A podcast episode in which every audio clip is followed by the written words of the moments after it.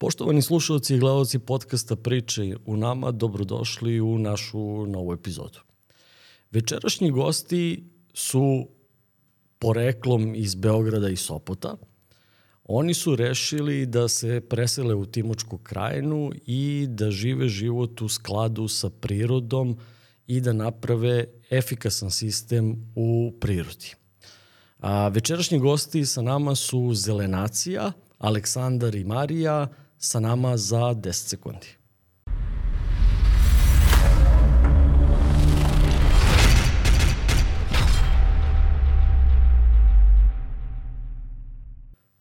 Dobro veče, kako ste? Dobro veče, hvala na pitanju, dobro. Kako se osjećate kao timočani? Pa super, navikavamo se polako, ovaj, prije nam, prije nam da budemo deo ovog kraja. Koliko godina već uh, živite uh, u Timočkoj krajini? Pa ovo je sedma. Pa sedma ili smo, sedma, napunili sedmu, uzeli osmu. Uzeli ja bih osmu. Rekao da je, Osam godina. Pa, da, 16. smo došli, tako da to je već četiri, pet, sedam, pa da. da. Sedam. E sad, mene uh, interesuje uh, da, da prvo čujemo nešto o vama. Ko, ko ste vi bili, odnosno šta ste radili pre nego što ste odlučili da se, da se preselite u Timočku krajinu, a, čime ste se bavili, koje ste škole pohađali, odakle ste, gde ste rođeni. Pa ajde da krenemo od Marije. Može, hvala. E, ja sam iz Sopota, inače. Završila sam srednju turističku, pa sam se kasnije prekvalifikovala za vaspitača. Međutim, shvatila sam da to radno vreme od 9 do 5 neće baš da funkcioniše za mene, pa sam otkrila cirkus i ovaj, onda sam jedno vreme bila sa drugarima u cirkusu, cirkus Vera i posle Inex teatar. E, sa njima sam neko vreme vežbala, posle malo individualno, inače pola svog života pravim nakit i tako razne stvari, mm, o, dreamcatchere i tako neke ukrase. I ovaj, pa onda sam se preselila u Beograd i tamo živjela nekih 15 godina i tako svašta nešto radila u nekim hostelima, u trgovini, tako neke poslića, da kažemo, koji su mi dozvoljavali da imam i dosta vremena za sebe, da se bavim i ovim drugim umetničkim delom sebe. Tako da, ukratko to je. A u cirkusu, šta si konkretno radila u cirkusu? Pa ja volim vatre i, ovaj, i moj, moj predmet je uh, poji. Za one koji ne znaju, to su one dve kugle koje, sa kojima manipulišeš. Mogu budu vatre, mogu da budu i svetleći poji, led poji. Radila sam ring, uh, žonglirala malo i tako, od svačega po, po, po malo, ali ovaj poj mi je nekako profesionalno već umem da, da to radim i tako da i nastupam i nastupala sam sada već malo manje jer sam ovde pa se bavim i nekim drugim stvarima, imam i čerku, tako da mi vreme ne dozvoljava da se baš toliko ovaj, opustim, ali dobro, sad sve više. U svakom slučaju avanturistički duh. Ja, potpuno, da, da. Aleksandre, ti? Uh, ja sam poreklom iz Beograda, tamo sam išao u školu do, do srednje i onda smo se mi porodično, roditelji, brat i sestra, preseli u Katar. Uh, tamo smo živali nekoliko godina i tamo mi se zapravo prvi put rodila, jer ja sam iz Beograda, znači ono sa asfalta, šta znam. Uh, kad sam ja bio mali u našem dvorištu je bila neka kajsija koja je rađala, ali vremenom je to, to isečeno i, i sve tako pokošeno i ta neka betonizacija Beograda se baš desila dok sam ja bio dok sam ja odrastao, tako da sam bio, vidio samo do komadić tog nekog ovaj, dodira sa prirodom, ovaj, išao se na selo i tako to, ali zapravo sam ja zavoleo prirodu kada sam osetio nedostatak nje. Životom u Kataru, u pustinji, u stano klimatizovanim prostorijama konstantno i ti neki dolazci letom u Beograd i u Srbiju, uvek sam koristio da odem na neko kampovanje. Nisam uopšte mogao da definišem šta je to tačno nedostajalo, ali mi je jednostavno prijelo da odem neko mesto gde, gde je ovako malo divlje. I od tad manje više ovaj razmišljam kako bi uopšte moglo izvesti tako nešto da se, da se živi u prirodi, a ovaj, da se, ne samo da se posećuje, nego da to bude neko default, normalno stanište. Ovaj, to nisam našao u tim, u tim mlađim godinama, ali je to nekako uvijek bilo meni u podsvesti, pa sam se bavio turizmom. Uh, završio sam fakultet prvo u Kataru, uh, diplomirani ekonomista, ali specializacija za međunarodni turizam. I odmah po diplomiranju sam otišao, kupio kartu u jednom pravcu i otišao u Južnu Ameriku. I tamo sam radio u turizmu tri godine. Uh, živio sam u Peru, ali sam dosta putovao okolo i vidio sam praktično skoro ceo kontinent. Uh, I opet je tamo bilo, priroda je tu na dohvat ruke, ali se u nju ode, bude nam lepo i onda se vratimo nazad. I ovaj, tek po povratku u Srbiju, tamo negde 2013. godine sam ozbiljno krenuo da razmišljam, planiram o tome kako bi izgledalo ovaj, živeti negde, negde van grada, a opet ni selo, ni meni, ni Mariji, da smo već krenuli da se zabavljamo, nas dvoje, nam nije delovalo nešto pretredno privlačno, jer se tamo živi opet neki, neki život koji je i suviše blizak gradu. Znači, opet se ide, generalno ide se na posao, gleda se televizija, plaćaju se računi i taj seoski život nije kao što je nekad bio. Ovaj, što mi pamtimo onako nostalgično, tako, tako da smo ovaj, gledali da nađemo neki novi, neki novi sistem drugačiji, da probamo da vidimo da će proći i, i, i tako smo krenuli od 2013. 14. to u to neko planiranje ovaj, kako bi to se moglo izgleda. Nekog suživota sa prirodom. Pa da, što bliže. A roditelji su ti zbog posla otišli u Katar? Tako je, da, zbog posla. Ovaj, a, otac, on je inženjer. Pretpostavio sam u Katar se ide ili ako si inženjer ili ako si sportista. Pa da, nema. pa tako je, da, da. To je bilo baš, a, to je bilo 2001. nakon 5. oktobarske revolucije i nakon toga je otac video da se stvari nis, ne, ne menjaju baš, baš tako ovaj, kako je on očekivao i jednostavno smo, ovaj, bila teška odluka jer ono, deca 16 i brati sestra 13 godina, ono, totalni kulturološki šok, ono da ne pričamo i promene jezika i svega, ali, ovaj, ali izgurali smo. Dobro, sreće je da je Katar službeni jezik je engleski, je li tako? Jeste, jeste, tako je, da. Dobro, a kako ste se vas dvoje upoznali i kako dolazite uopšte na, na ideju da odete iz grada? Pa preko muzike, muzika nas je spojila. Imali, imali smo taj neki sličan ukus ovaj, za muzikom. Znamo se kroz društvo još, još dosta duže nego, nego tek smo kasnije počeli da se zabavljamo. Mislim, ja sam putovao i on je putovao među vremena isto tako, pa smo tek kasnije krenuli da se zabavljamo. Ali to nas je spojila, ta neka estetika ka, ka prirodi, ka muzici.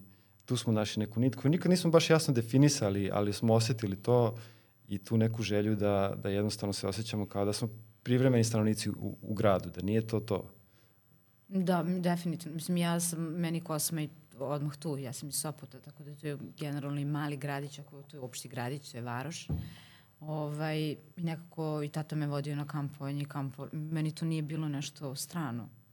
Uvek sam bila u skladu i ljubavi. O, o, ovo je treći put u 20 epizoda da se pominje Kosma.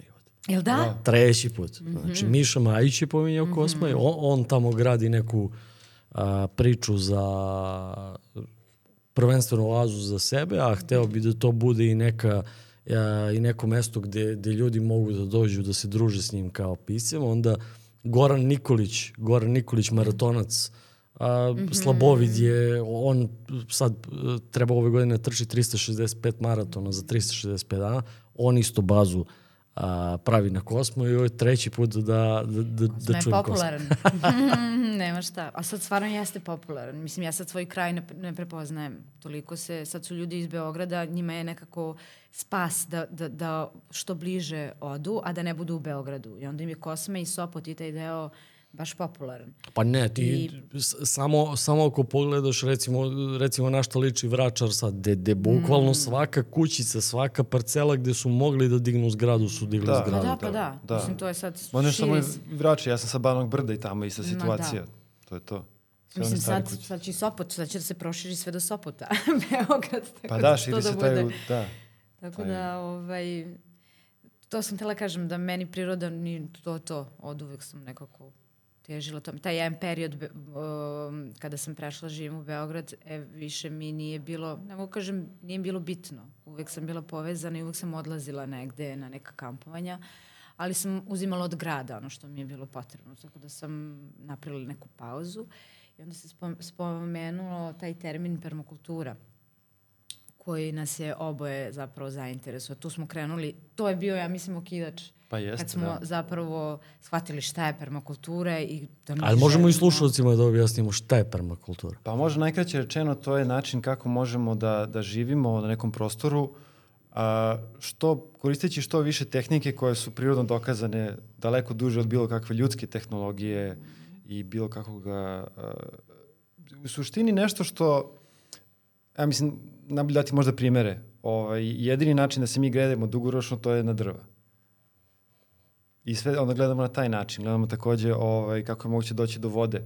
Da li je održivo kopati bunare koji će se, da li hoće, da li neće se presušiti, onda zavisimo od struje koja nam treba da vadi ovaj, da vodi tu vodu i da, da, da ubacuje uh, u neke rezervoare ili gde god dalje, ili jednostavno možemo skupiti kišnicu sa krova. I uvek gledamo šta nam priroda nudi, ajde iskoristimo maksimalno, jer živimo u jako bogatom bioregionu.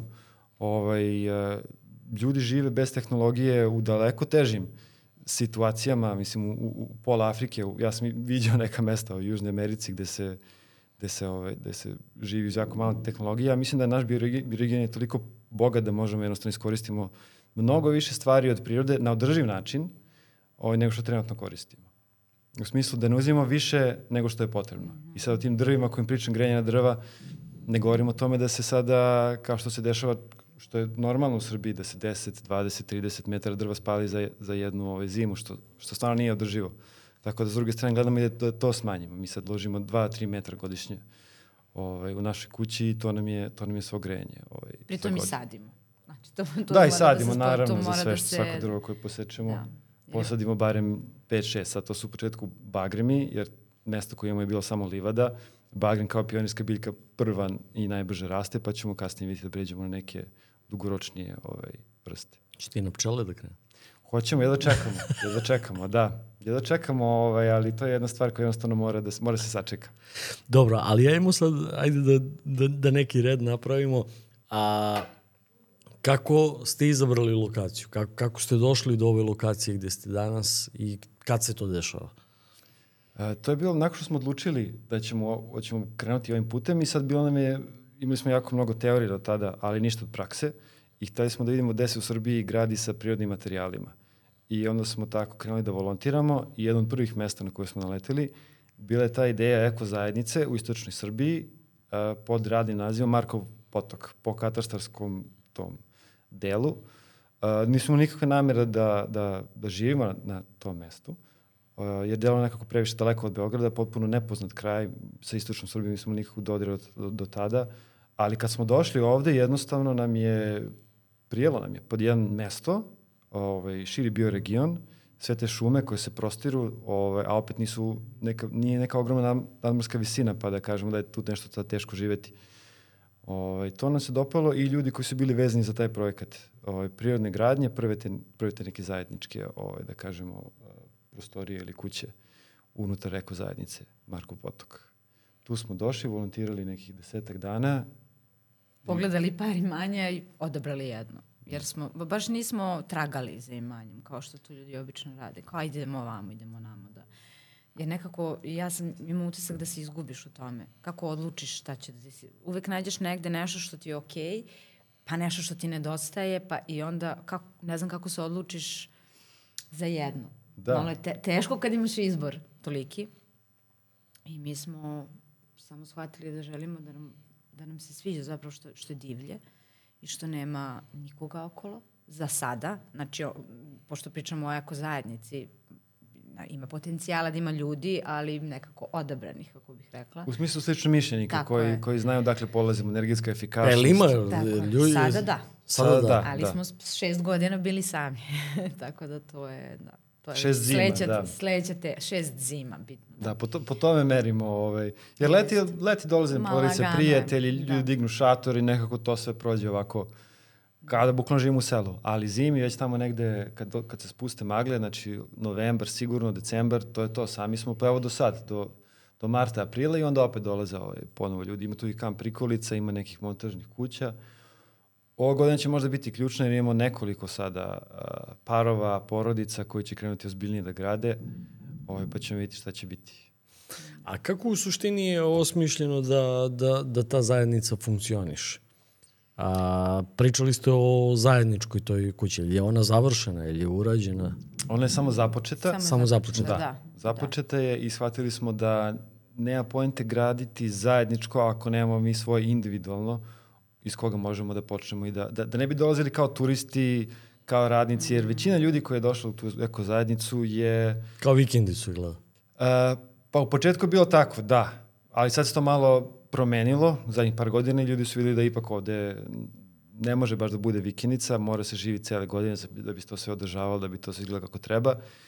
I, I drugo, dosta ljudi je tu, dosta iz Beograda, dosta njih iz Vojvodine, iz Novog Sada, tako da nije baš izvodljivo da se dolazi da se radi vikendima i da se ide nazad. Tako da ta zajednička kuća je počela se gradi, to ćemo nastaviti, ja mislim, uskoro. Ovaj, ali ideja zajednice je da svako ima svoju parcelu, bude vlasnik te parcele, ima svoju kuću, gradi svoje, a da ove stvari koje su, uh, koje su šire, na primjer održavanje puta, uh, nasipanje puta nekih zajedničkih uh, bunara i tako te neke stvari, da to radimo zajedno. I da zajedno koristimo traktor, zajedno koristimo bager, i te neke stvari koje nema pojente da svako domaćinstvo ima za sebe. Jer, znači neke osnove mehanizacije imate? Da, da, to imamo.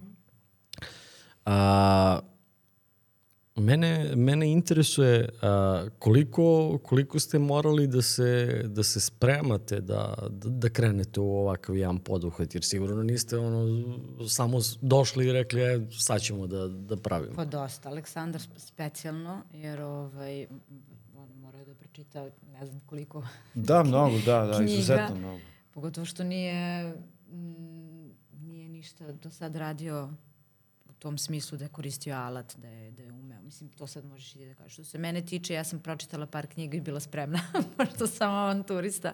Mi je bilo sasvim dovoljno kada me je pitao ko ćemo da putujemo ili ćemo da pravimo kuću, ja sam rekla pravimo kuću. Jer nekako to iskustvo ne želim da propustim. I sad bila sam spremna minimalno u smislu uh, učenja. Nekako sam bila ona koja prati i to mi je bilo sasvim ok, pa sam uz taj proces učila kako stvari funkcionišu, ali ovaj, podrška i eto, pomoć. A Aleksandar se, boga mi, baš fino pripremao. pa mislim, inače volim da planiram. Da, ovaj, da. To, to mi nešto što... Znači, ti, ti si bio project manager. Da, pa da. da, tako da, je. Da. Tako je, Excel i otvoreni, ovo, ono sve, slike spremno, to je, to je taj čovjek. folder projekta i to i mislim da iskreno stvarno ako neko se upušta u ovo, da, da nije moguće preterati u planiranju. Mm. Uh, ne mislim detaljno, ali široko. Da barem se dobi neka ideja o tome kako struja, kako voda, kako gradnja, kako put. Detalji će posle kasnije se razviju na terenu, jer dosta zavise ovaj, e, kad se nađemo tu što kažu. Mapa nije teritorija. Mapa je jedno, po tome možemo da planiramo, dobijemo neke grube ideje, ali sama teritorija i biti na zemlji daje neke druge i dublje informacije. Ali priprema definitivno, pogotovo za, za gradsku decu. Ovaj, uh, Mislim, sećam, bili smo mi fizički aktivni ceo život. Ja sam trenirao košarku 8 godina i posle još igrao. Tako da taj, taj element fizičkog napora i tog ono rada 15 sati dnevno, pogotovo tokom gradnje, to nam, to nam nije bilo strano. Ali sve ostalo iskustvo i praksa, za to smo morali da se ozbiljno pripremimo. I kao što je Marija pomenula, to su, to su bile knjige. Uh, kraj smo gledamo klipove ono, na YouTube i tako to, ali to, to blogove i to čitali, to je dosta površno, jer ipak ovaj, uh, knjiga dosta dublje predstavlja. Ovaj, to se iznenadio jer ja sam ono dete interneta šta znam, pročitam na Wikipediji i mislim da sam skapirao čemu se tu radi, ali za, za neke tako dublje teme kao što je gradnja kuće, prirodnih materijala, ipak knjiga je, je neoboren format i, i dan danas i mislim da će tako ostati. Iskustvo. Iskustvo. Dobro, mislim da kažemo, da, naravno, ali da kažemo uh, knjiga napisana od strane ljudi koji imaju stvarno iskustvo mm. u tome mm. dugogodišnje i, i da se na taj način prenese znanje. Mislim, kažem iskustvo zato što bih ja sad m, mislim da bih umela da ponovim proces. Jer sam kroz da, sve prošla. Da, i bolje. U tom smislu. Bolje nego da, što da, smo odradili. Čak znaš i o, ovaj... Um, Gde su bile greške? Stvari, tako je. I sad kad bi trebalo ponovo da pravimo kuću, mislim da bi bila savršena. Da, da. Sigurno. Mislim i sad je kao, da. okej, okay, ali... E, a onda bi, bi posle dve godine došlo kod nekog emisiju i reka bi, mislim da bi sledeći put još bolje pa, to. Pa naravno. I onda kao samo krenem time da se bavim u životu, pravim kuću. Da. Ali smo zadovoljni. Sa, mislim, svaki projekat koji smo završili, kao što kaže Marija, smo rekli, u, sledeći će tek mm. biti, ali sve ovo što sad koristimo i, i, i kuće i manje kako se planirali, zadovoljni smo kako, kako je ispalo. E sada, vi, uh, kako ste rekli, 2015. 2016. A, rešavate da, da to pravite kuću, ne idete na putovanje, pravite da. kuću i sad dolazite i to je Goplac. Da, potpuno, pokušan livada. livada. Kada dolazite i kako kreće izgradnje? Uh, prvo dolazim, dolazim ja u maju, to je bilo 9. maja, uh, i sa brakoprikolicom, To je hmm. onaj šator. Znam. da. U stvari, ja idem zbog, zbog gledalca, pošto možda neko nije imao Da. prilike da vidi. To je, to je prikolica, Šator sa tri sobe. prikolica koja se rasklapa u je. šator sa predvorjem i dve, Dve sobice. sobice. Tako je, da. Jako dobra stvar i, i baš mi je krivo što, sad ne znam da li postoje neki, ti modeli ne postoje, ali ne znam da se pravi dalje nešto Imam slično. ja. Da, Ne, imam, imam brako. Brako. Mislim, Ali stariji, kampo, ali- ka- ali- kampovali smo godinama u Grčkoj. Fenomenalna stvar. to je stvarno super rješenje, da. Jeste, jeste, jeste. Ovaj, a, tako da brako sam prvo otvorio. Došao sam prvo ja, u smislu da, da idem prvo da utabam teren, lakše hraniti jednu osobu i sve to u takvoj divljini. I nakon postavljanja šatora i malo tu košanja okolo, vratio sam se u Beograd, pokupio još gomilu stvari u autu i sa Marijom, znači to je onda bio 11. 12. maj, e, misleći da kao to je to, gotovo je sa hladnim vremenom, sad ćemo dođemo da gradimo, došli smo i već nakon dva dana bilo je, bio je jedan stepen kad smo spavali. Da, Pa ne sjećam šatoru. se baš toga, ali bilo je hladno. Ali kape, on, spali smo kapama ovaj, u šatori, tako to i Pa krenuli maj, smo odatle. mislim, to i dalje onako Da, i dalje malo... hladno. Ume da bude, ume da bude i sušno, svašta ume da bude, stvarno. Ovaj. Pa, posebno ovde ispod planina, tu, Mm, tu, da. tu, Da. tu zna da bude nezgodno. Mi, mi smo i ranije kampovali po, po Borskom jezeru, isto je, isto je tamo, zna da bude noću onako Pa ono za jezeru, jakne. Da, da, ja mislim da, da. i, Da, i da. preko leta ovaj, uveče bude onako Da, da, kod nas, sveže. kod nas, evo, baš, baš smo nešto, ovaj, e, gledam, ja pratim ovaj, sve te neke klimatske ekstreme koje, koje se dešavaju na našem imanju i najčudnija stvar je bila da čak i leti kada su bile, recimo 2017. je bila najveća suša, bilo je 41 stepen tokom dana, ali noću, znači padne, padne noć, prođe par sati, recimo da je ponoć, vedro nebo, hladno je. Znači ne, ne može kratkim rukavima. I za sve ove godine, znači 7-8 godina koliko smo tamo, bila je samo jedna noć da je napolju moglo da se, recimo, spava pod otvorenim nebom, da je bilo toliko toplo. Znaš šta, mi, mi recimo volimo porodično da idemo leti, da idemo na planinu i idemo, vrlo često idemo u Bansku i meni je ono fenomenalno što, što ti nemaš, ne pališ klimu leti. Da, da. Noću se spusti temperatura na neki 15-16 stepeni, preko dana bude isto kao i ovde, ali noću se spusti neki 15-16 i onako milina za, za spavati i Baš za, tako. i za odmor. A, kako se pravi kuća od, o- od prirodnih materijala? E, da li kopate temelj? Od čega pravite temelj? Zidovi? Sve me interesuje. Uh, ima tu ima nekoliko varijacija, sad svako treba da pogleda pod jedan kakav, kakav je teren, uh, koliko tu treba kopati, da li treba, može da se ravna teren, ako je već približno ravan, ako nije, ako je prevelika strmina, može da se pravi na stopama, da se onda pravi neki, uh, da kažemo, od kamena i betona podrum i da se gore izlije betonska ploča i da se onda na, na to gradi. Kako smo mi gradili, uh, bilo je relativno relativno ravan teren, tako da smo samo malo morali da ravnjamo ovaj sa bagerom. Uh, digli smo uh, zidiće od pola metra, sokle, kako se zovu, znači pola metra visine, pola metra širine, od uh, kamena, betona, armature i perlita kao termoizolatora i na to smo onda uh, stavili bale slame. Ali ključno kod kuće, što kažu, ove kuće od prirodnih materijala i kuće od, od slame je to što je konstrukcija potpuno drvena. A, tako da tu su onda zidovi od slame i od blata samo opna jedna, koja ni jednom trenutku nije u dodiru sa, mislim u dodiru sa konstrukcijom, ali ne prenosi nikako težište na zidove, tako da su oni u tome potpuno ovaj, nezavisni. A, postoji dosta varijacija, ali generalno nama se čini da za naš ovaj, bioregion definitivno slama je prava stvar. Balirana slama konkretno. A, to je manje više nova tehnika gradnje, jer ranije se nije se radilo baliranom slamom. Znači, ranije se, slama se mešala sa zemljom i kao Pa se takva lepilo. Pa se lepilo. To su uh, čatmare ili nabijače ili čerpići, sad postoji nekoliko tehnika, ali tu je taj veliki nedostatak termoizolacije. Uh, barem za, za način koji smo mi navikli da živimo danas. To je sad moguće naravno i u tim kućama prezimiti, mnogi to ljudi naravno dan danas rade. Mi imamo dosta prijatelji koji su kupili stare kuće, obnovili ih i živo njima, ali tu se javljaju dva problema. Prvi je što treba tu ipak dosta, dosta drva, znači teško je u takvoj kući ovaj, prezimeti bez 10 metara drva, što je pitanje koliko je održivo. I drugo, opet, uh, potrebno je malo se ušuškati. Znači, opet, nosi se džemper i to je sve okej. I, I ja mislim da treba se polako navikavamo na to, ali neko ko je navikao da u gradu živi uz radijator, teško je prodati mu priču života u prirodi i udrživosti, ako on već zamišlja da on sad tu mora da se muči i da, da oblači džemper, ne daj Bože, u kući ovaj, tokom zime. Jer, jer postoji ta jedna velika, ogromna razlika između ovaj, naših očekivanja i tih želja koje se, koje se dosta i guraju i kroz, i kroz medije i onoga što je stvarno čoveku dovoljno, da kažem. A i nije normalno, znaš. Pa da. A, a, ja se sjećam kad, kad, kad smo bili klinci, ja sam zime i leta provodio kod, kod babi i dede u Velikoj plani. I, I onda ja, ja sećam tamo, tamo zima sobu koju se spavalo se nije grejalo uopšte. Da, da. Znači mi smo ulazili pod jorgan i To zgreješ se i to... Minus pet. Jeste. I a, grejala se samo, samo jedna prostorija, znači samo centralna prostorija, samo dnevno soba se grejala u kući i, i to je to. Tako I, je. I sad ti, da ideš na, na kratke rukave zimi, pa to, to nije bilo šanse. Nije ni bilo kratkih rukava, možda. Ta... Jeste, pa tačno tako. A sad opet po, po selima dosta kuća ima centralno grejanje gde se greju sve sobe konstantno i sad tu se dosta, ovaj, dosta drva troši. I opet nisam baš siguran koliko će to još moći tako tim tempom. Ja, koliko, koliko je debljina tih, tih zidova koje, koje praviš od, od slame? Balirana slama je, kako izlazi iz balirike, oko 45 cm uh -huh. i onda po 5 cm zemlje unutra i iz polja.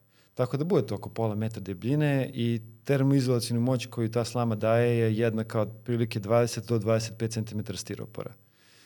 I to je stvarno neverovatno. To o, nije za zanemariti. Da, da. I to smo stvarno testirali, evo na primjer, evo baš ove zime, uh, grudvom je neko gađao neki uh, severni zid i ostala je grudva sa spoljne strane zida i tu je ostala narednih 15 dana.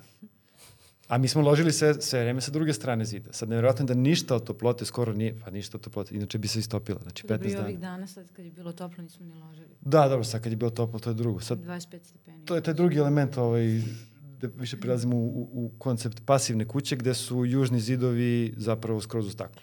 Uh Da. -huh. Sa mogućnošću da se to zatvori. Da li nekim debelim zavesama, da li nekim roletnama ili tako to, kad je previše hladno i kad nema sunca koje onda može da greje kroz, kroz to staklo ili leti kada je jednostavno prevelika vrućina pa da se to reflektuje. Dobro, to je neki efekt kao što, što imamo staklenika, da, da. da se što Pa da. više toplota absorbuje Da, u, da. unutar kuće.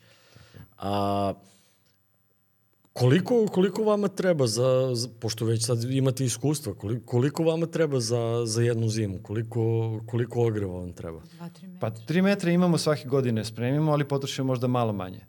Sad smo ove godine baš, prošle godine smo se baš upustili. Opustili. Da, pa je bilo dva i po metra. Ove godine, ja sad napravio sebi kancelariju iza kuće koja je odvojena, gde imam sad drugo ložište. To vam niko ne bi verovao da ovde kažete. Pa ne, i ne veruju nam i dalje. Mislim, lovci nam ne veruju. Lovci tamo koji, koji znaju kakve zime mogu da budu ovo ne ilazu i ne veruju kad nas vide usred zime. Ali šta je tu je, ljudi koji nam, koji nam prodaju drva znaju. Koliko uzimate? pa da. Pa da, i koliko nam ostaje i tako. To i uvek gledamo da imamo za naredne dve, tri godine da se to lepo osuši. Tako da totalno gledamo da to, to bude potpuno efikasno u svakom smislu. Ovaj, uh, da, dva, tri metra. Neki plan nam je ka, kad budemo imali tri prostorije, jer sad mi to gradimo modularno. Kuća nam nije Mhm. nešto preterano velika. Znači u osnovi je 25 kvadrata još toliko na spratu.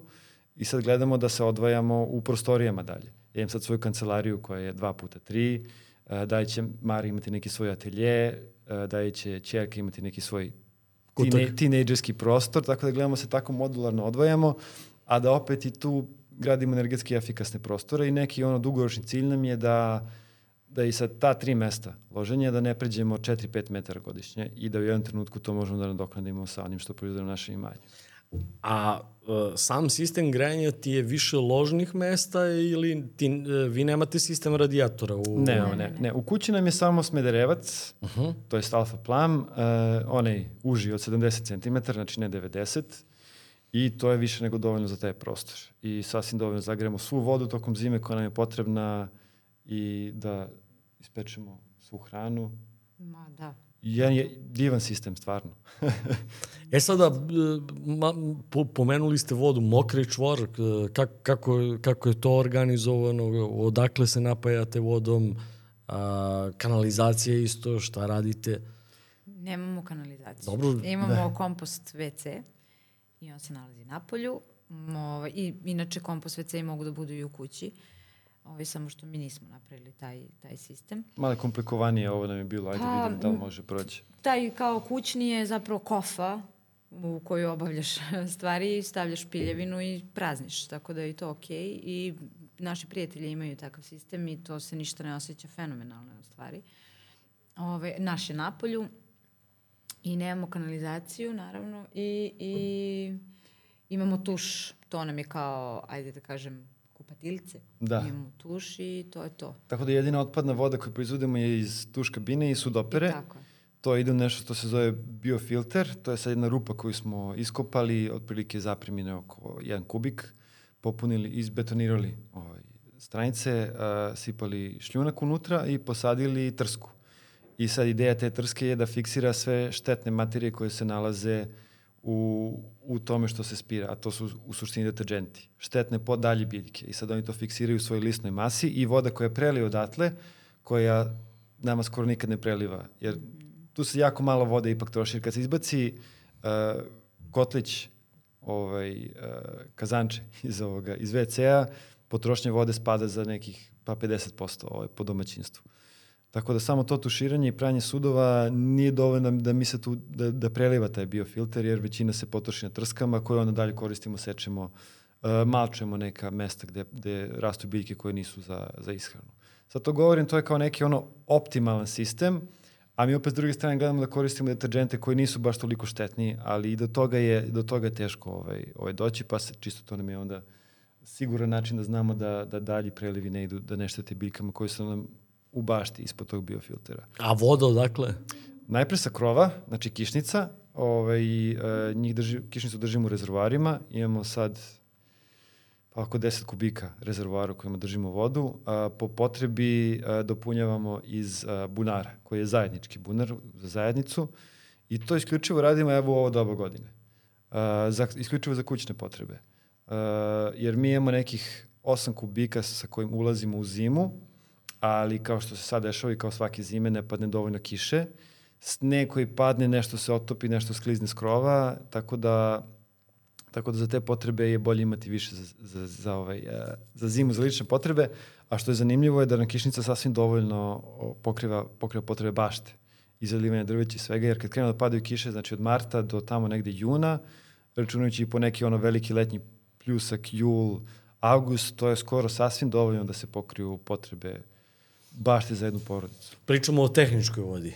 Uh, tehnička voda, da, ali ta E, voda... Tu vodu i pijete, koristite za Filtriramo, piće. je, filtriramo. je. Dobro, kako? Uh, uglje, uh, filteri aktivnog uglja.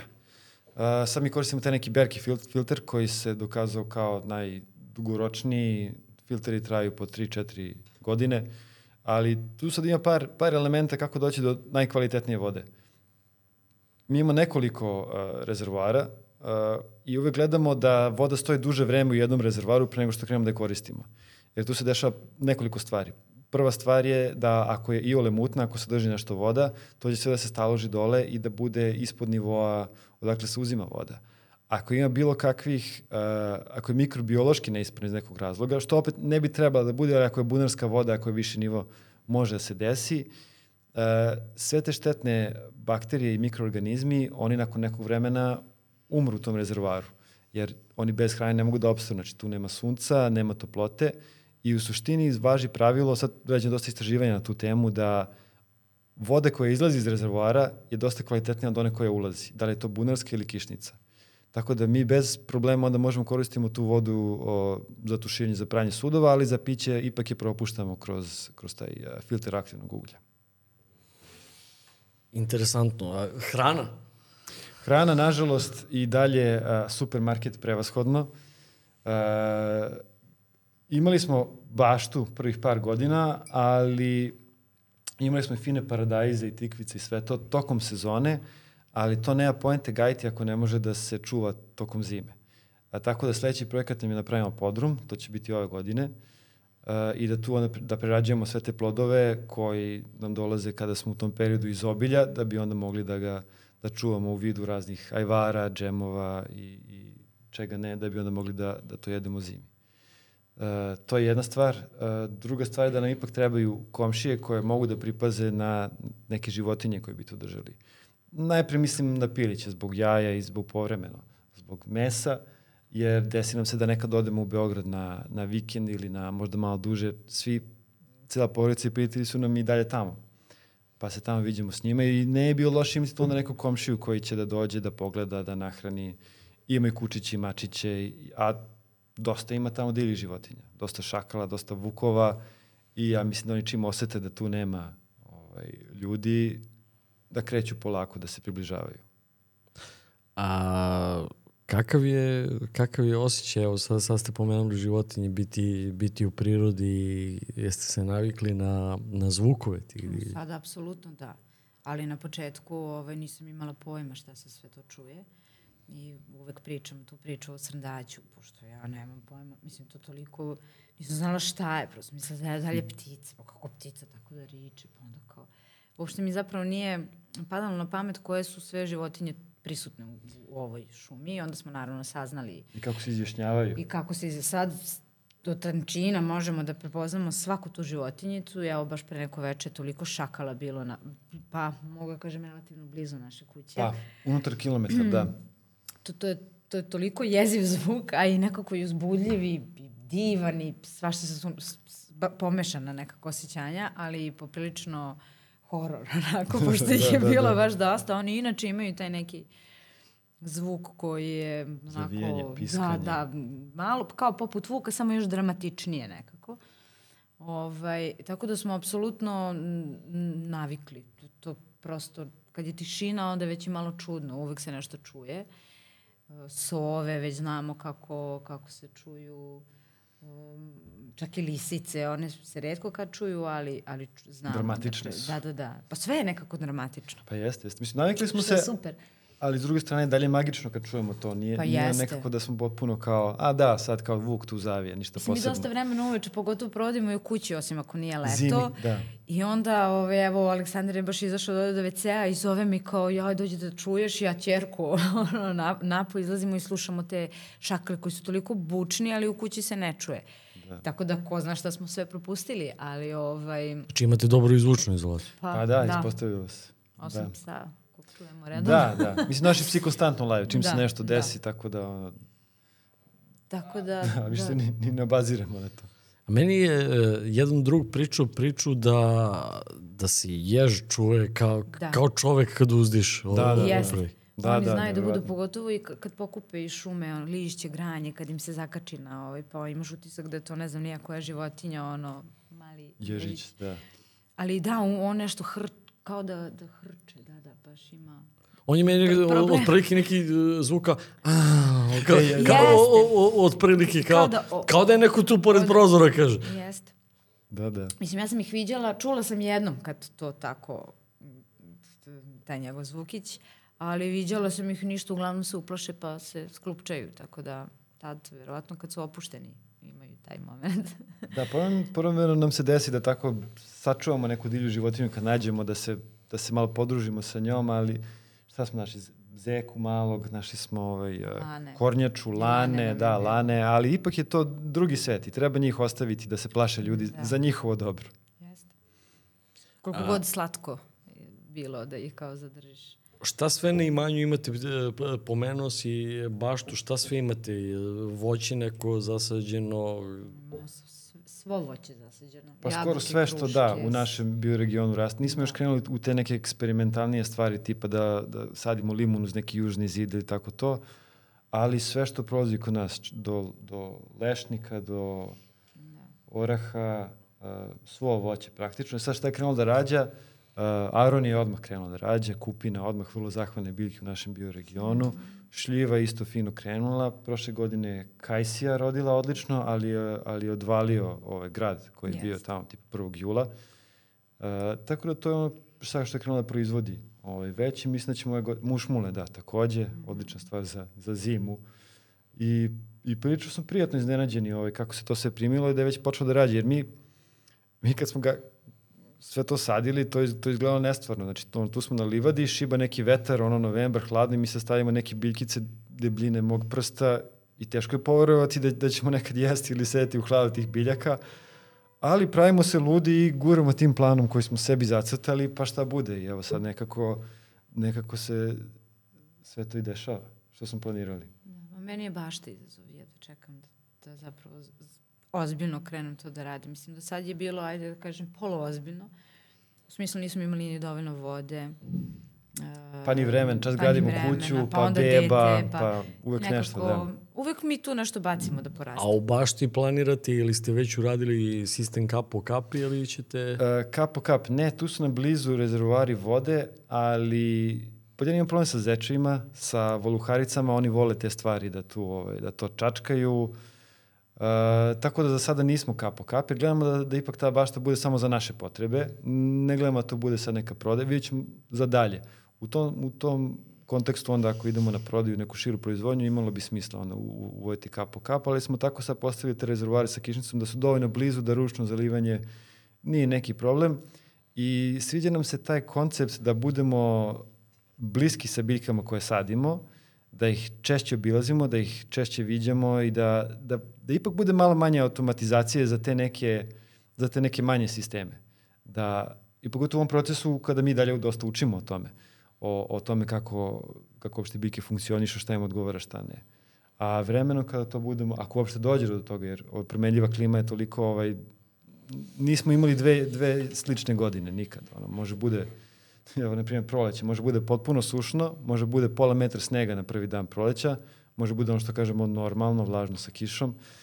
Tako da svake godine neka, neka nova stvar, neka, neka nova prilika da se nauči nešto. Pa znaš šta, sve se, sve se u principu izokrenulo. Ja se sećam nekog svog detinjstva, Zaječar je uvek važio za, za srpski Sibir.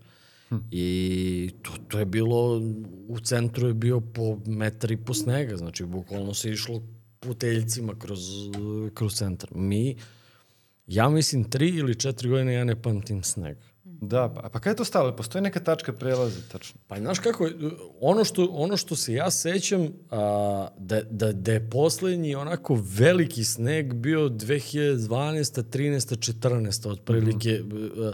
To, e, to pamtimo po, po tome kada je radila ski staza ovde, pošto mi imamo, A, jeste, mi, jeste, jeste, mi, mi imamo ski stazu ovde u centru grada i I to je, to je to. Posle toga ja se, ja se ne sećam da smo mi imali, tad je bilo, tih godine je bilo otprilike nekih 20 dana skijanja, mm -hmm. jer ovde zna onako da padne, pa da se spusti temperatura ispod minus 15 i to onako Da drži bude onda, da, da. fino. Ali mi sad nismo imali, ja mislim da ove zime nismo imali temperaturu u minusu, možda minus 1, 2, 3, u, da, da, smo imali, da smo imali minus, a sneg nismo ni videli ove, Da, ove da, zime. da. Da, Da. mi kad smo došli prve i druge godine bio sam A, pr- baš veliki. Prve godine kad smo došli dobili smo jednu, je- jedan poklon od prirode mm. da vidimo koliko ekstremno može biti. Tako da te prve godine baš nap, to je bila zima 2017. baš je dosta snega napadalo. Pa evo vidiš, tu, tu, tu se negde poklapa sa Jeste. godinama. Pa Znači, da. sigurno, 2016. sigurno, sigurno jedno 5-6 godina nema, ne, nema snega Nema. u, Da, u, da. tom, u, u tom obliku. Pa jes, da, i mi idemo u Zaječar, i, i, ogromna je razlika ovaj, kod nas tamo i, i u Zaječaru. Ovaj. Mada generalno svim gradovima. Ne, ja sam, 2000, 2012. ja znam, e, sigurno 2012. sam diplomirao i znam kad sam odavde išao na diplomski, to je bilo u februaru, sam išao odavde na diplomski, znam da je na Čestobrodici da su bageri mehanizacije prokopavala put da može da se prođe. U, nevjerovatno. Znaš, mislim, da, sad to da. onako već godinama unazad je ne, nezamislivo, okrenulo se skroz. A samo 10 godina. Pa da. Šta će da, biti da. za 10? Pa, pitanje, veliko pitanje. Šta To se mi pitamo i, i kad sadimo biljke pitamo se da li će ovo moći dalje da raste u našoj klimi za 10 godina. A, interesuje me kako, kako gledate na sve ovo što se dešava, a Istočna Srbija ne da nije izuzetak, nego je,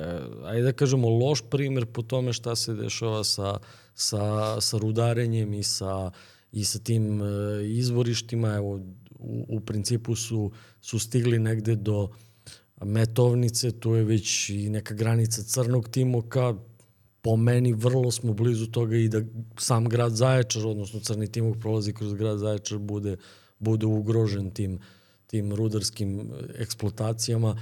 A, negde ovde ljudi, barem u, u razgovoru sa, sa ljudima, imaju utisak kao da je ovaj deo Srbije žrtvovan. Odnosno kao da je pušten iz vodu i da će to biti ono rudarska kolonija dokle bude rude i posle toga nije ni bitno. Pa to je, to je goreća tema, ja mislim. Ovaj, I ja uopšte nisam rezigniran da, da tek tako predamo ovaj, a, zemlju. A, čak i jedna, jedna priča u našoj knjizi je baš na tu temu, ovaj, a, kada su radili ispitivanja tamo u našem kraju za bakrom i za zlatom, najupečatljivije je bilo koliko je, koliko je finansijska moć iza svega toga što stoji, iza cijela te rudarske industrije i koliko je to široko i duboko upleteno i koliko je tu korupcija na kraju krajeva. Jer sada postoji jedna ogromna pomama za toj energetskoj tranziciji koju zovu sa fosilnih goriva, u svetu govorimo globalno, sa fosilnih goriva na obnovljive energije koje opet nisu obnovljive same po sebi, one zavise od enormnih količina minerala koje trebaju od nekud da dođu. Pa, ako, ako uzmeš recimo kod nas, pošto sam ja inženjer po struci, ako, ako, ako uzmeš kod nas i, i gledaš celu tu priču kako, kako se odvija, ti sad uzmeš i u Srbiji kupiš auto na bateriji. Da. Kupiš auto koji je na bateriji. Ti ga voziš na ugalj.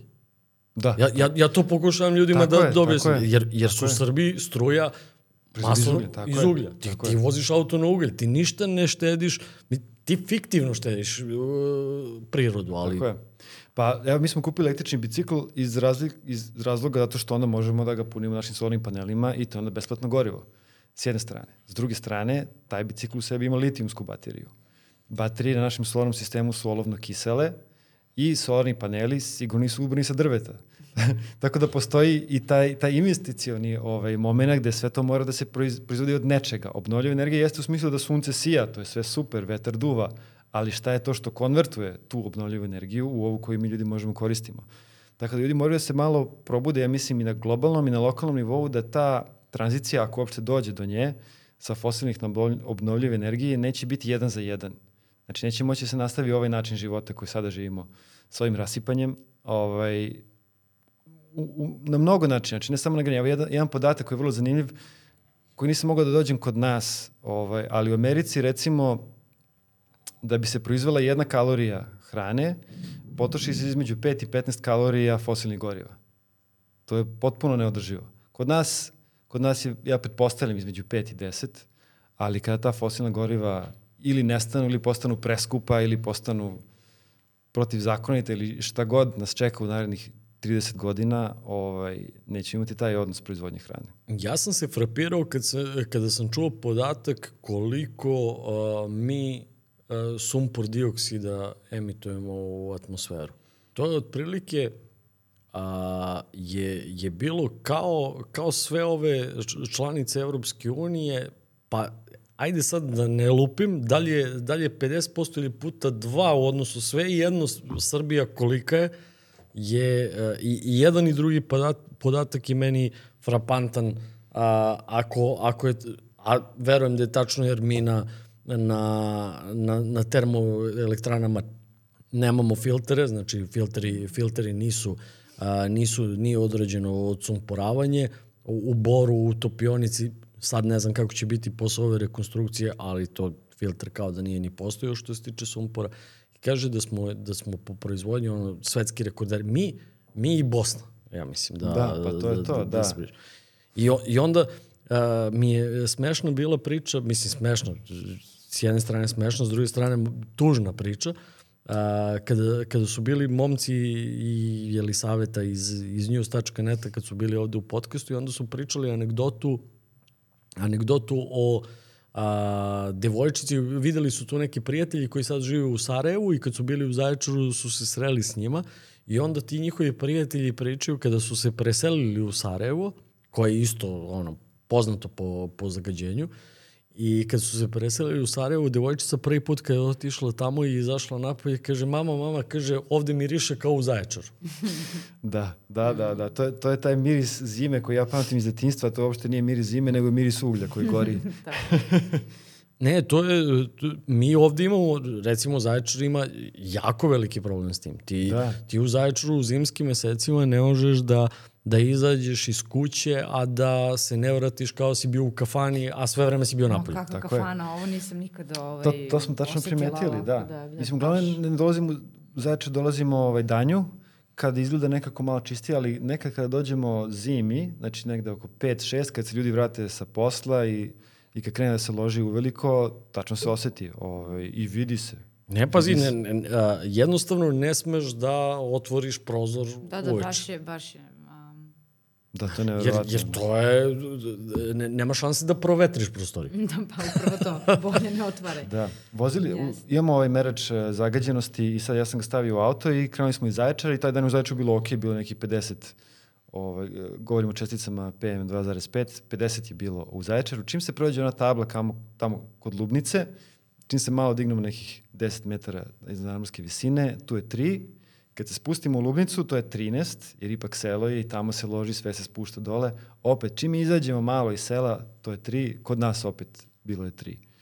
Tako da da, to je, to je problem ne samo velikih gradova i, i manjih gradova, i, ali, ali na tome treba se radi. Znači, ne možemo da dignemo ruke da kažemo, e pa vazduh koji dišemo svaki dan i koje naša deca dišu od rođenja je takav loš i da jednostavno dignemo ruke i se predamo. Mislim da, da to nije pravi put. Ne, ja samo ne, ne mogu da shvatim i, i, i ljudi koji, koji trenutno u, uživaju benefite ovog sistema, kakav god daje ovaj sistem, e, kako ne shvataju da dišu isti vazduh koji, koji dišemo i mi. Hrana koja dolazi za njihov sto dolazi sa istih njiva koje dolazi i njima. Mislim, to mi nije jasno kako, kako nema te svesti da, da krenemo nešto da radimo povodom toga, jer, jer će posledice biti daleko sežne. Mislim, meni deca odrastaju u ovom u, u ovom gradu i dišu ovaj vazduh i to je sad pitanje veliko koliko ti njih možeš da, da izoluješ od toga i da im sačuvaš da, te disajne organe. Ali mislim da je to, to ipak, nije to neka stvar da li, da li oni koji mogu da to menju, da li hoće ili neće, mislim da su jednostavno nesposobni. I mislim da se to dokazalo na razne načine ovaj, kroz pre, pro, protekle godine i mi smo bili jako nezadovoljni nekim tim osnovnim životnim, životnim uslovima u Beogradu dok smo živeli I onda kao žališ se što je zagađen vazduh i žalimo se što sad grejanje kasno počelo i što nije dovoljno grejanje, što je preskupo i što nema parking mesta i što je e, javni prevoz katastrofalni. Mi se tako žalimo godinama i onda smo u fazonu, ok, mi se žalimo, situacija nije bolja, situacija je gora, ajde mi malo dignemo ruke do ovog grada i da vidimo šta možemo sami. To nas je motivisalo, jednostavno posle, posle, posle de decenije života u tome smo u fazonu, ok, ovo ne ide ka boljem. Ovaj, ja stvarno mislim da, da je to neke, neka vrsta nesposobnosti. Jer dosta stručnih ljudi je otišlo preko, a, sad se ljudi zapošljavaju preko veze, to je valjda nešto najnormalnije. Generalno govoreći u mnogim stručnim sferama gde opet ne može tek tako bilo koja dođe da radi bilo kakav posao. I mislim da je to sad da živimo posledice tog načina ovaj, rukovodđenja. Pa i, i, i toliko je problema na sve strane. A, ja, ja mislim da nas, da, nas malo i a, da nam razvodnjavaju probleme. Jer ti, ti protestuješ zbog ovoga, ovaj protestuje zbog ovoga, treći protestuje zbog ovoga, svi iz nekih svojih razloga u suštini ne vidimo da, da imamo samo jedan razlog da protestujemo, ali nikako da nam to dođe do mozga. Da, da. A, da se vratimo na, na vašu kuću. A, stigli smo malo, malo pre si pomenuo, malo pre si pomenuo struju, a, kako dobijate struju i zašto je koristite u, u vašoj kući. Solarnih panela. Dobro. A koristimo je za punjenje kompjutera, telefona. E, koristimo je za... Pa, ta, O, osvetljenje, osvetljenje. to su sve sitni potrošači, da. da. Najveći potrošač nam je uh, leti uh, frižider, koga ipak moramo da ugasimo tamo negde u oktobru i onda ga palimo opet u aprilu, jer jednostavno su i su više kratki dani zimi. Čak i da je sunčano taj dan, ceo dan, a često i nije, ovaj, onda opet moramo da, da ugasimo, a, a dovoljno hladno napolju tokom većeg dela godine da vrlo lako možemo da držimo mlečne proizvode. Sad može da se desi da je, da je dosta topli vreme, kao što smo bili ovog januara, na primjer, da se meso kvari napolju lagano. Ovaj, kad temperatura pređe preko 10-15. Tako da što se potrošnje struje tiče, može da se skromno prođe, ovaj, ali imamo i agregat koji trošimo takođe, koji koristimo za veš mašinu, jer ona ima grejač koji je malo jači i za tako te neke ovaj, jače građevinske alate, šta znam. Ali imamo, ali evo recimo, kad je baš ovaj zima, kada sad uzeli smo novi agregat, ovaj neki invertorski, koji troši jako malo ovaj, benzina i jedan litar benzina drži 5 sati, 4-5 sati ovaj, bez problema i to koristim po potrebi kad je ono najgušća magla, nekih 10 dana, što, ume, što je svake godine praktično ovaj, tamo kod nas zbog tih svih gustih šuma i to je super. I tako i treba da ostane za, za širi bioregion. Ali, ovaj, ali tada, eto, recimo, palimo agregat svaki dan, svaki drugi dan, ali opet mi čak i sa tim načinom ovaj, korišćenja mi ne možemo da pređemo preko pa ja mislim u vrh glave 100 litara, 100 evra godišnje na benzin potrošimo za agregat. Celokupno gledam, znači za celo imanje. Tako da neko ko misli da može da živi bez EPS-a, znači bez, bez te vrste, ovaj, moguće je samo solarnim panelima, ali da se živi dosta skromnije onda. A za sve ostalo postoji dalje benzinski agregat, dok postoji. Tako da i dalje, i dalje nam dosta pomažu fosilna goriva dok god su toliko ovaj, a, pristupačne. A trenutno jesu. A kolika, kolika su, evo sad već posle, posle nekoliko godina provedenih tamo možete i da a, sigurno imate podatak koliko vam godišnje za ovakav način života, za koliko, koliko vam je potrebno para? Pa da, ja radim te stalno, diplomin ekonomista, pa stalno radim te ove finansijske računice i to je, to je neverovatno. Koja je razlika? Uh, pod jedan za grejanje. Znači, taj infostan koji smo plaćali u Beogradu i kakvu smo uslugu dobili za to ne može da se meri sa ovim što sada imamo, ovaj, način na koji se grejemo. Struja, ok, bila je to investicija, kupiti baterije i solarne panele i to sve, ali sad ne moramo da brinemo o, o plaćanju struje, da će struje da poskupi, kako to utiče dalje na nas šta još pokušavaju da proguraju kroz plaćanje te struje, neke druge obavezne takse ili kako to već ide. Tako da, definitivno nam je potrošnja daleko manja. Uh, u, u mnogome nam tu pomaže to što ja radim od kuće. Znači, ja kao poslovni konsultant radim od kuće, pa nemam taj moment da moram da odlazim negdje, da trošimo još benzin i, i vreme na to. Tako da u tom nekom kontekstu, u toj situaciji finansijski smo daleko, daleko bolje i komotnije živimo nego, nego u Beogradu i pritom imamo mnogo više vremena za razne druge stvari i, i mnogo manje stresa. Na primjer, mislim, dobro, dok sam živio u Beogradu, nekako se čovjek se navikne i na, i na tu buku i na te ružne zgrade okolo koje svuda niču i na traženje parking mesta sat vremena i sve to.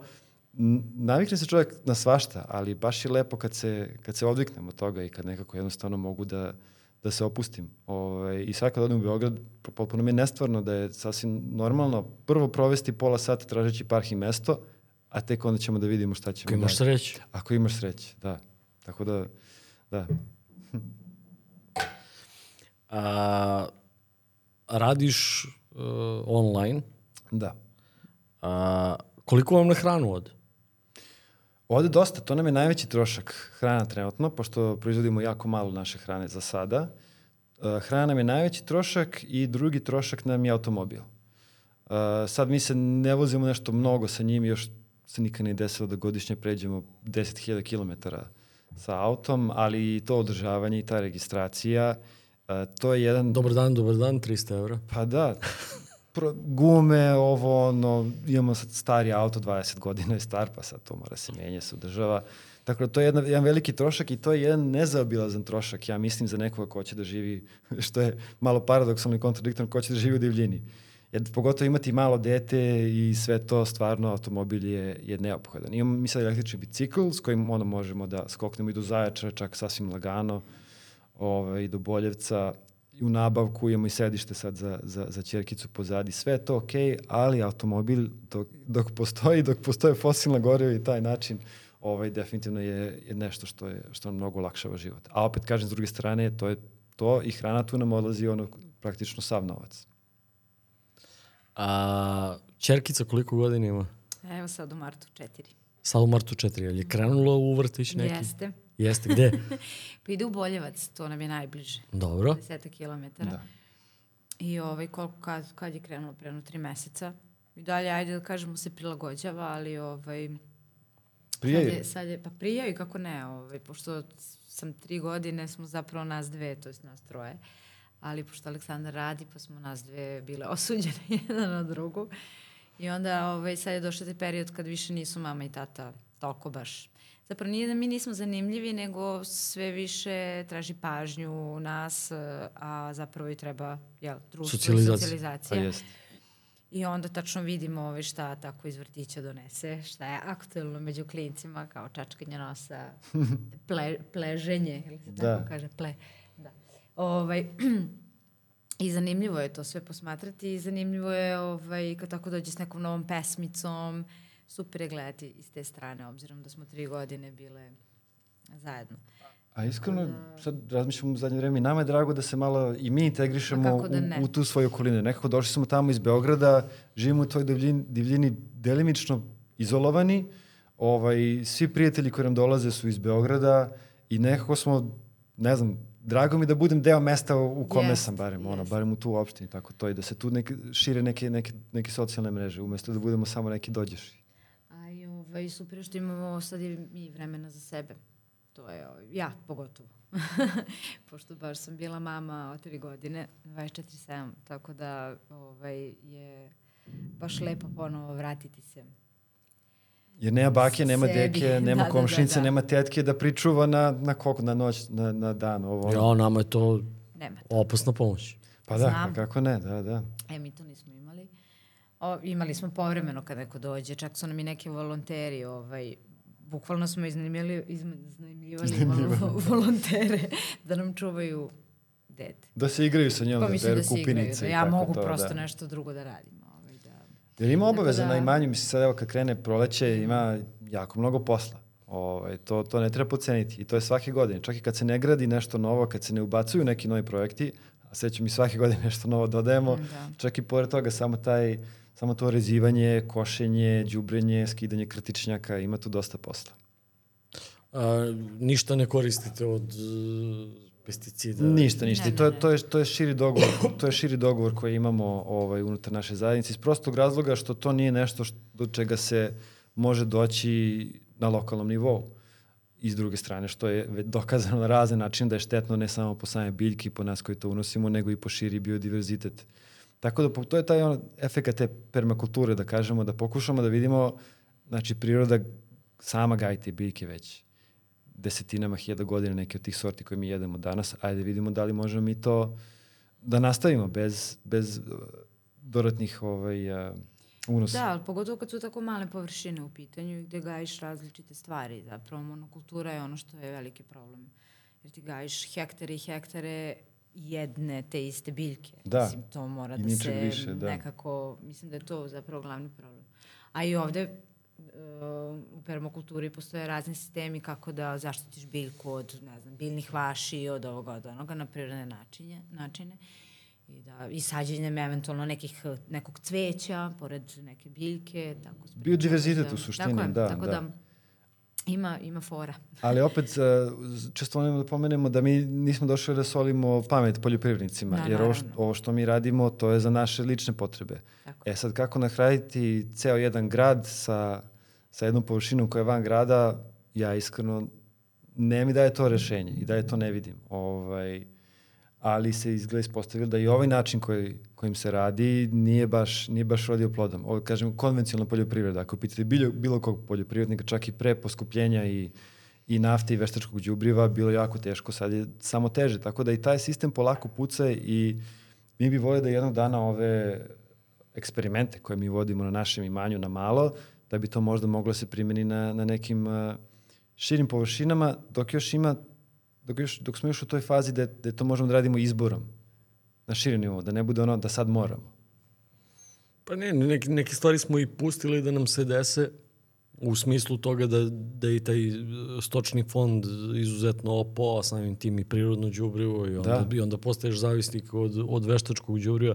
Ja sam čak bio na nekom seminaru gde se pričalo o tome da recimo Srbija kao Srbija a, nema dovoljno selena u, u zemlji. Uh -huh, uh. A, da, da biljke, bez obzira koje, koje bi trebalo da, da imaju velike količine selena kao što je beli luk, luk recimo, nemaju jer ga nema u zemlji, nemaju odakle da, da, da, ga, da, da, ga, da ga uzmu. I onda, se, I onda se na tim seminarima, pošto sam inženjer metalurgije, se pričalo kako da se kako da se selen, koji je nus proizvod proizvodnje bakra, kako da se kako da se vrati u zemlju, odnosno kako da se vrati u, u, u namirnice, jer kažem, a, u odnosu na neke evropske zemlje kuburimo jer a, ne radimo na obnavljanju kvaliteta zemlje. Tako jer svaki, je. svaki rod, svaki rod a, koji, koji dođe na nekom polju smanjuje kvalitet te zemlje, Kako da posebno ne. ako se ne đubri kvalitetno i To je praktično tretiranje zemlje kao da je rudnik.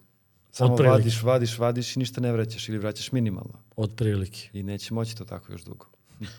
A, vi ste napisali do sada uh, dve knjige. Da. A, prvo je uh, Prvo, živo... Da, prvo je život u prirodi ovaj, i to je bilo, to je u suštini počelo kao projekat, to je bio taj projekat koji sam ja imao izgradnje našeg imanja i kući i svega. I kad smo završili s tim, ja sam, ja sam video taj fajl i umjesto da ga stavim u neku arhivu i da se zaboravi, ja sam rekao ovo je, ovo je toliko meni korisno bilo, možda će biti još nekome korisno. I onda sam krenuo da ga dorađujem. To je raslo i raslo, ubacivo sam slike naše koje smo ovaj, odrađivali, naše iskustvo i tako se rodila knjiga Život u prirodi, priručnik za razvoj novog domaćinstva. I ceo taj proces ovaj, štampanja knjige potom, jer preko 400 strana, full color, tvrdi povez, usred COVID-a dramatično poskupljenje papira, a, neko sam iz- sa izdavačem sam bio u fazonu, ajde samo neka izađe knjiga, neka bude mali tiraž, jer tad nismo imali ni ideju koja je, koja je potražnja za njom. Tako da tih 200 se rasprodalo ovako u roku 2-3 meseca. Sad radimo ovaj, a, drugi, drugi tiraž se sprema. U međuvremenu izbacili smo našu drugu knjigu koja je za, za dosta šire za šire mase nekako, to je više taj neki prenos a, osjećanja i kako mi doživljamo taj život u divljini kroz neke pričice koje su se stvarno desile tamo nama i kroz neku fikciju, da kažemo. Ovaj.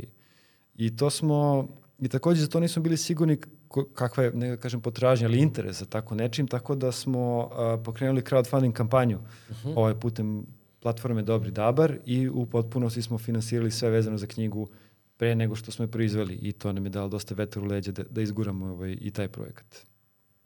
A, život u prirodi a, je u suštini priručnik, odnosno skup svih onih informacija koje su vama bile neophodne, a niste mogli da ih, da ih nađete na jednom mestu kada ste vi tako kretali. Je, tako je, tako je. Ali opet ne bih rekao baš svih info... Široko da, pokriva široke teme, ali ako neko hoće da je dublje u svaku od tih tema, ima tu i preporuka za dalje knjige da se čitaju, da se, da se je dalje. Jer, na primjer, poglavlje o, o vodi je možda nekih 40 strana, ali to nije dovoljno da se kaže sve na tu temu. Pa onda da li hoćete skupljanje kišnice, da li hoćete filtraciju sive vode, onda treba se ide malo dublje. Kompost WC je takođe ovaj, dosta duboka tema. Ovaj. To postoji jedna knjiga ovaj, koja to odlično objašnjava, tako da e, duboko je. dosta tu ima suči. Ovaj, uvijek volim da, da, da dam dalje preporuke za onoga ko će da bude specijalizuje u nešto i da, da ode malo dublje. Koliko sad e, ima familija na, na, na tom potezu Markov potok? Pa ajde da kažemo da leti, znači pored naše kuće, uh, jedna je skoro gotova, dve su skoro gotove i mislim da će već biti spremne za useljenje ove zime. Uh, još jedna se radi, malo je veća pa tu ima dosta više poslova i kreću ove godine još, dobro vidjet ćemo kucnemo drvo, ali možda dve, tri, dve, tri ozbiljne ekipe će krenuti i njihov cilj je da to izguraju i da se, da se usele do kraja ove zime. Tako da Ali što se tiče imanja, koliko je prodato, ja mislim da je skoro pa sve prodato. Pa skoro sve, možda neki, pa sad teško izba, ali možda 15 imanje već uh, prodato. Od prilike svako imanje ima između 70 i 150 ari. Up, da.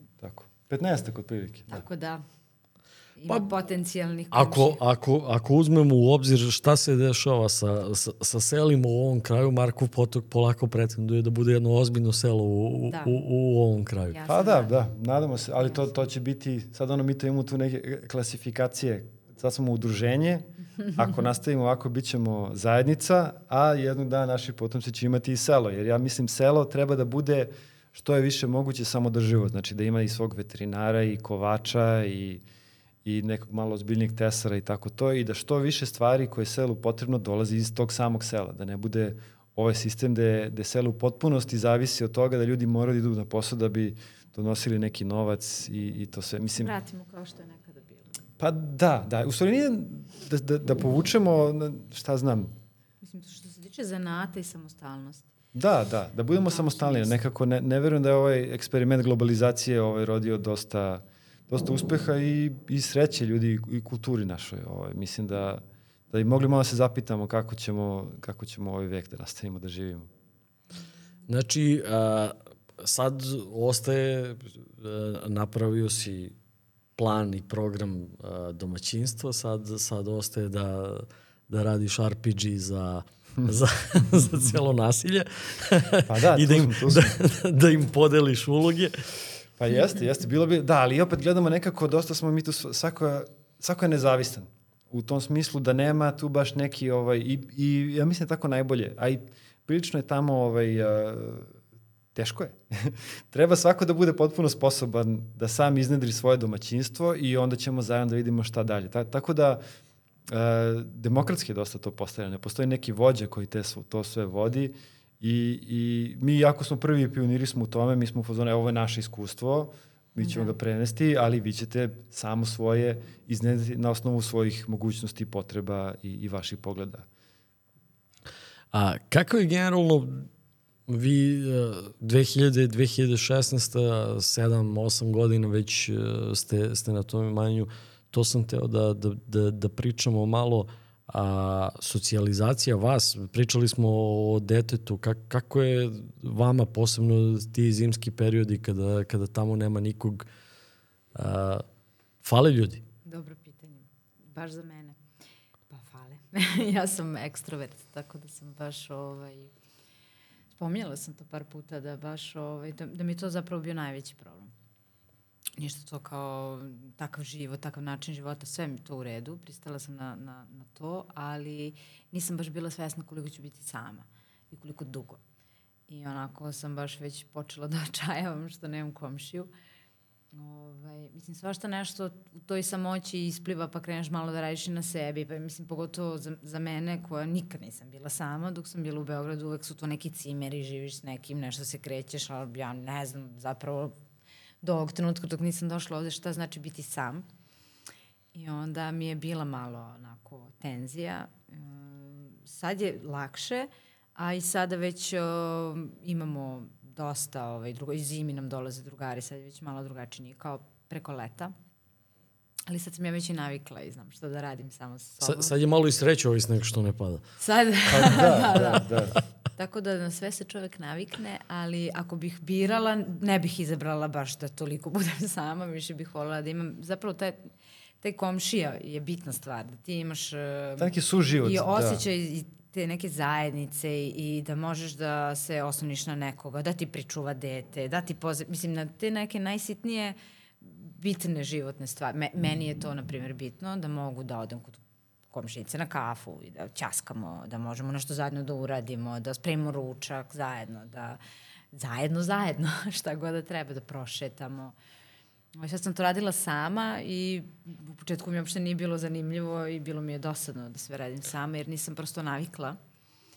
I ovaj, tako da sad mogu, ali bih opet odabrala više da budem sa društvom i da s društvom radim stvari. Da. Pa ja, ja mislim da koliko god uh, idealni odnosi u, u, u nekoj porodici bili i koliko god to bilo lepo, znaš, uh, ulaziš u jednu monotoniju ako nemaš Kako da nekog ne? sa strane da, da, kako malo, da ne? da malo neku promenu, da popričaš na neke druge teme nevezano za porodicu. Pa upravo to. Tako je, tako je, da. Tako da to je baš bilo izazov, eto. Aleksandar. Pa ne, mislim da, isto, isto kao što Marija kaže, ovaj, a, ali nama konstantno dolaze prijatelji, evo recimo mi ne znam, možda ćemo ovaj vikend prvi put biti sami, da nam, da nam nije neko došao u posetu u zadnjih, zadnje dva, tri meseca i to nam strašno prija, ali to su opet te neke posete. Ljudi dođu, mi se malo podružimo, oni odu, nema to što Marija kaže, neko na koga možeš se osloniš. Taj neki suživot sa nekim koji je tu u blizini, jer nama najbliža kuća na dva kilometra u drugom selu u, u selu kojem pripadamo, ali to selo je Vrbovac, ali to selo je zimi, ovaj, pa ne znam, da, da li ima 50 ljudi. A, tu je i Osnić blizu, ali opet i, i ti ljudi imaju, imaju svoj neki drugačiji život. Ovaj, mi smo svim, sa svima smo u, u dobrim odnosima, ali nema nešto mnogo dodirnih tačaka. Ovaj, drugačija muzika se sluša, oni možda ne čitaju knjige koje mi čitamo ili ne čitaju knjige. A, glavni ljudi koji završe fakultet odu i ne vrate se. Dosta mladih radi preko cele zime, pa tek onda dođe. Ovaj. Tako da, da i, i tu inače socijalni život je ovaj, malo pod pritiskom, da kažemo. Sad evo idemo, idemo u Boljevac, vozimo, vozimo čerku svako jutro, onda vraćamo popodne, pa ćemo vidjeti ovaj, tamo možda idemo i u teretanu, da, Da. da mali, tokom zime, ovaj, kad već Pa nema ne, šta se d- radi. po, po tim, ajde da kažemo, selima u, u ovoj okolini uglavnom su ostale te generacije baba i deda. Tako Vi je. ste veliki to generacijski jaz, čak i da čak i da imate nešto zajedničko, mnogo je, mnogo je veliki generacijski jaz, a mladi su uglavnom ili otišli u gradove da, da rade ili su dobrano već otišli iz zemlje. Tako je, tako je, tako je, nažalost, takva je, da, takva je situacija. Mislim, posebno ovde, ovde imaš uh, kod, kod, kod Negotina ovo sela, to je, to je jeza koliko su prazne.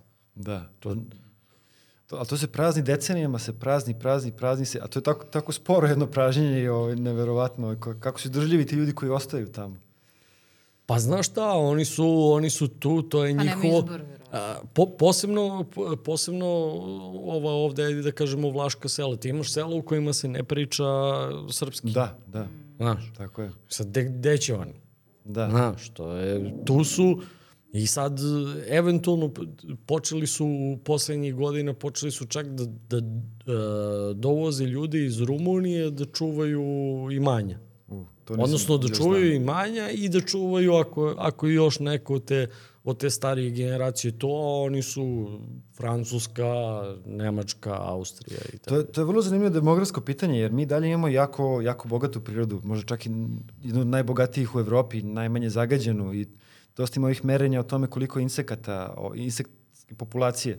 Ovaj, I ta neka granica je tu posle Panonske nizije. Znači, Rumunija i sad istočna Srbija, pa dalje ka Bugarskoj, tu i dalje postoji neki daleko viši biodiverzitet. O, a zanimljivo da se to sve napušta. Ove, tako da biće vrlo zanimljivo u narednim decenijama vidjeti kako će se to demografsko pitanje rešiti. Jer ja mislim da će, da će se u jednom trenutku pojaviti neki ljudi koji će prepoznati to bogatstvo i možda pustiti tu korene. Sad, govorimo nama, ali mi smo opet tu neka manjina. To, to bi trebalo da bude neki veći demografski ovaj, Pa mi Pokret. nismo, nažalost, nismo, nismo, radili, nismo radili na, na tome, definitivno nismo radili sistemski kao i na mnogim stvarima, nismo radili sistemski i sad već je došla neka druga, treća generacija ljudi koji su otišli preko Da. i oni više ne osjećaju se uopšte da, da pripadaju ovde, oni su sad već Nemci, Francuzi, sve manje i dolaze. Ti e, to možeš da vidiš i, i, i leti i zimi kad, kada su obično ovi delovi Srbije bili puni, sad je sve to manje sve manje novca nam se vraća iz Evropske unije. Ranije on dođe pa zida ovde, pa hoće da ima kuću, pa da, hoće tu da, dođe kad, kad odu penziju sada. Ove nove generacije, nema razloga da se vraća uopšte. Tako je, uopšte ne tako je. osjeća pripadnost o, ovom kraju ovde. A to si u pravu, N- nije samo ovaj kraj, znaš, nego ti kad i pređeš i granicu, ovaj vidinski deo, bugarski, je prazan. Pa Isto. Bu- Bugarska, mislim da, da, mi smo u top 10 sigurno, mislim da je Bugarska baš prva država koja naj, najbrže gubi populaciju. Ovaj. Pa, a, ako, ako gledaš od Sofije malo ka, ka morima, odnosno ka, ka Crnom moru i ka Egejskom moru, dole, ajde da kažemo da je, da je onako i ima ljudi i da se bolje živi, ali ovaj deo ovde gore, kod nas, kod Dunava, ja mislim da je Vidin, ono, grad duhova, Da. da. otprilike. A divna priroda, neverovatno. Ne, ne, ne, pa slično je, vrlo slično, divna. vrlo slična priroda i ovde i, i Je- tamo, jeste, mislim, jeste. nema pa, tu... To je to, posle često brojice, to je to. Mi više pripadamo tom delu geografski Pa da, i klimatski. Po- Posle često brojice kao si ušao u drugu državu. Baš mislim, tako, mi, je... mi stalno gledamo ono Weather and Radar ova aplikacija i to je to, tu je neka granica, ovaj oblaka. Jeste, jeste, jeste, jeste. Ja, ja se stalno zezam, ja često brojicu zovem Mordor, znaš, onako. Da, da, da, da, da, da, da, da, da, da, da, baš je živopisno, da. E, a ka, e, kažite mi, e, vi radite i držite i predavanja vezano za... Povremeno, da, povremeno. Ovo, nekako ne želimo baš previše da napuštamo naše imanje i ne želimo se opet bavimo to, dosta smo stvari uzeli, ovaj, pa sad ono biramo na šta ćemo se fokusirati. Ovaj, a, povremeno idemo držimo predavanja, to je uglavnom ovaj, u Beogradu. A, vidjet ćemo držimo neke radionice na našem ovaj, imanju, ali to sve, ja ne bi ništa da radim polovično, ja bi to da bude baš baš kako treba. Ovaj, tako da treba negde smestiti sve te ljude i onda se već bavimo na neki način i ugostiteljstvom. Mi sad ne kažem da to neće doći, ali moramo da biramo ovaj, sada šta nam je najizvodljivije. Što ti je malo i struka isto. I jeste, jeste, to mi je struka, pa, pa ću se možda vratiti ovaj, u, u, u to jednom prilikom, ali da, definitivno postoji tu ogroman, ogroman potencijal. Pa ne, bilo bi interesantno, a, definitivno je taj neki povratak prirode nemirovan i, iz više razloga. Ti samo kad, kad pogledaš koliko, barem ja, koliko se sećam, koliko, koliko sam imao više dodira sa, sa, sa prirodom kroz odrastanje u odnosu na ono što, što moji klinci što moji klinci imaju, znaš. Tako je, i treba im pružiti tu priliku, oni mnogi ni nemaju tu priliku. Ovaj. Pa i nemaju priliku, a i da kažemo i uticaj ovih novih tehnologija, znaš, da. oni su pored ekrana, zašto smo i mi dosta krivi koji, koji nemamo vremena da im, da, da im se posvetimo dovoljno i da, i da. da ih odvojimo od toga. Ali to šarena laže. Ja sam isto jako mnogo vremena provio ispred ekrana i igrajući igre i, i posao. Igram ih i danas. Da, da.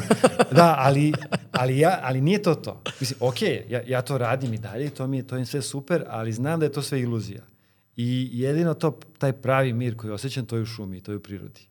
I mislim da je to toliko urezano u podsvest, da je totalno normalno da mi slušamo uh, ptičice i šum vetra i te mirise i te hormone koje mi ne vidimo koje, koje drveće pušta. Ovaj. Tako da mislim da, da samo ih treba, da, da ne treba niko gurati u to, da će oni sami hteti samo kad mi se pruži prilika uopšte da vide tu opciju da je moguće biti u prirodi. A vrlo je bitno da ima ljudi poput vas koji, koji mogu i da im ukoliko budu želeli da, da se odluče za takav način života ili da, da uopšte istraže prirodu, ne moraju da žive u prirodi, ali da znaju. Da. Te, vrlo je da. bitno da ima koji da im i da im prenese takve To nas i motiviše što uopšte radimo ist, isto javno, da kažem. Mislim, i ova knjiga delimična motivacija je to da ljudi vide da, da nije tako strašno živeti u prirodi, jer postoji taj neki, ovaj, ta neka dogma, taj neki pogrešan pogled da, da to podrazumeva da se jako teško živi u prirodi. A ja uvek, mislim, ja se uvek setim ovih kromanjonaca i svih tih koji su živjeli potpuno u prirodi u tim pećinama, a ljudi su imali vremena za neku umetnost. Ono, gomilu umetnosti su ostavili za sebe. To ne radi čovjek koji baš mučno i teško živi. A sad mi još nemamo to njihovo kulturno nasledđe i pesama i igara i svega, jer nisu bili pismeni. Ali hoću da kažem da, da ne mora da znači da je život u prirodi kao neka osuda, neki, neki, nešto teško, nešto strašno. Čega Ste možda slušali Rambovu, njegova a, njegovo tumačenje umetnika u kamernom dobu, aha, umetnika, aha. ratnika a, i da, tako da, da. dalje. Ja mislim da je baš kod Galeva pričao o tome. Ja, ja, ja sam umro od smeha kad je, kako je on to, kako je on to posložio. Inače, Mariju i Aleksandra a, možete vrlo lako naći. A, Zelenacija se zove Tako sajt. Je. Mislim, u, ukucate u pretraživo što će prvo izaći u svakom slučaju da li se radi o sajtu ili se radi o, o nekoj od vaših društvenih mreža, ali a, vrlo, vrlo vas je lako naći i pristupačni ste. To, to ja mogu da potvrdim, odgovarate na svaki mail, a, tako da mi u principu do prvog kontakta se nismo ni, ni poznavali, niti pa da, smo imali da. preko koga da se upoznamo, ali ste odmah odgovorili kad, kada, sam, kada sam postavio pitanje vezano za to. Tako da svako ko, ko uh, ima želju da vas ja mislim, pita nešto vezano za, za, za, za život u prirodi, može da, da, da iskoristi ili, ili mail ili neku od društvenih mreža. Knjige e, gde, gde ljudi mogu da naruče. E, koliko ja znam, život u prirodi još uvek nema. Još uvek nema, ali mogu ljudi da nas kontaktiraju, imamo PDF koji šaljemo ljudima, pa neka koriste to, neka sami štampaju ovaj, umeđu vremenu, jer greota je da to sad sve znanje čeka čeka neku štampariju, tako to, tako da sve na, preko našeg sajta. Znači sve na zelenaciji i knjiga Život u prirodi i Duh šume i tamo mogu da nas kontaktiraju, ovaj, kao što si rekao, rado, rado delimo informacije jer nama je drago, uh, nama je lepo ovaj život i drago nam je da omogućimo i drugima da, da to osete i da to vide. Da, šteta da ne znaju. Da. Ako, ako, ako su, a bar ako razmišljaju o tome. Eto. Da, da. A Marija i Aleksandre, hvala vam puno što, što ste se odazvali našem pozivu da gostujete. Hvala na pozivu. A, biće, meni bi bilo interesantno da, da u nekom periodu, da li, da li ovog leta ili, ili sledećeg leta, možda dođemo kod vas da, da bi snimamo bilo neki, divno. neki Kako ne, podcast. bilo bi divno, jer da. ne trošimo mi mnogo struje sa... Ma sa, da, sa, a- sa, Da. leti imamo za izvoz, tako da to je najmanji problem. E, ali ja imam jedan poklončić za tebe. Ja pravim kućice. Aha, Ovo je jedna od manjih. Možeš da otvoriš krov, to je kao bočica. Unutra imaš... super, hvala, Eto, hvala možda, puno. Možda da ti, sto, da ti ukra... Nije Lego. Sigurno, nije sigurno, Lego. si- sigurno, sigurno će naći mesto u našem studiju. Eto. Hvala vam još jednom Hvala i ja se nadam ja se nadam da se uskoro vidimo, a sada sledeći put da se vidimo kod vas i da snimimo Može. jedan podcast kod vas. Na bi našem terenu. Na to bi vašem terenu, na vašem Bilo bi divno. Može. Poštovani gledalci, bilo je to sve za večeras. Slušamo se i gledamo se za tačno nedelju dana.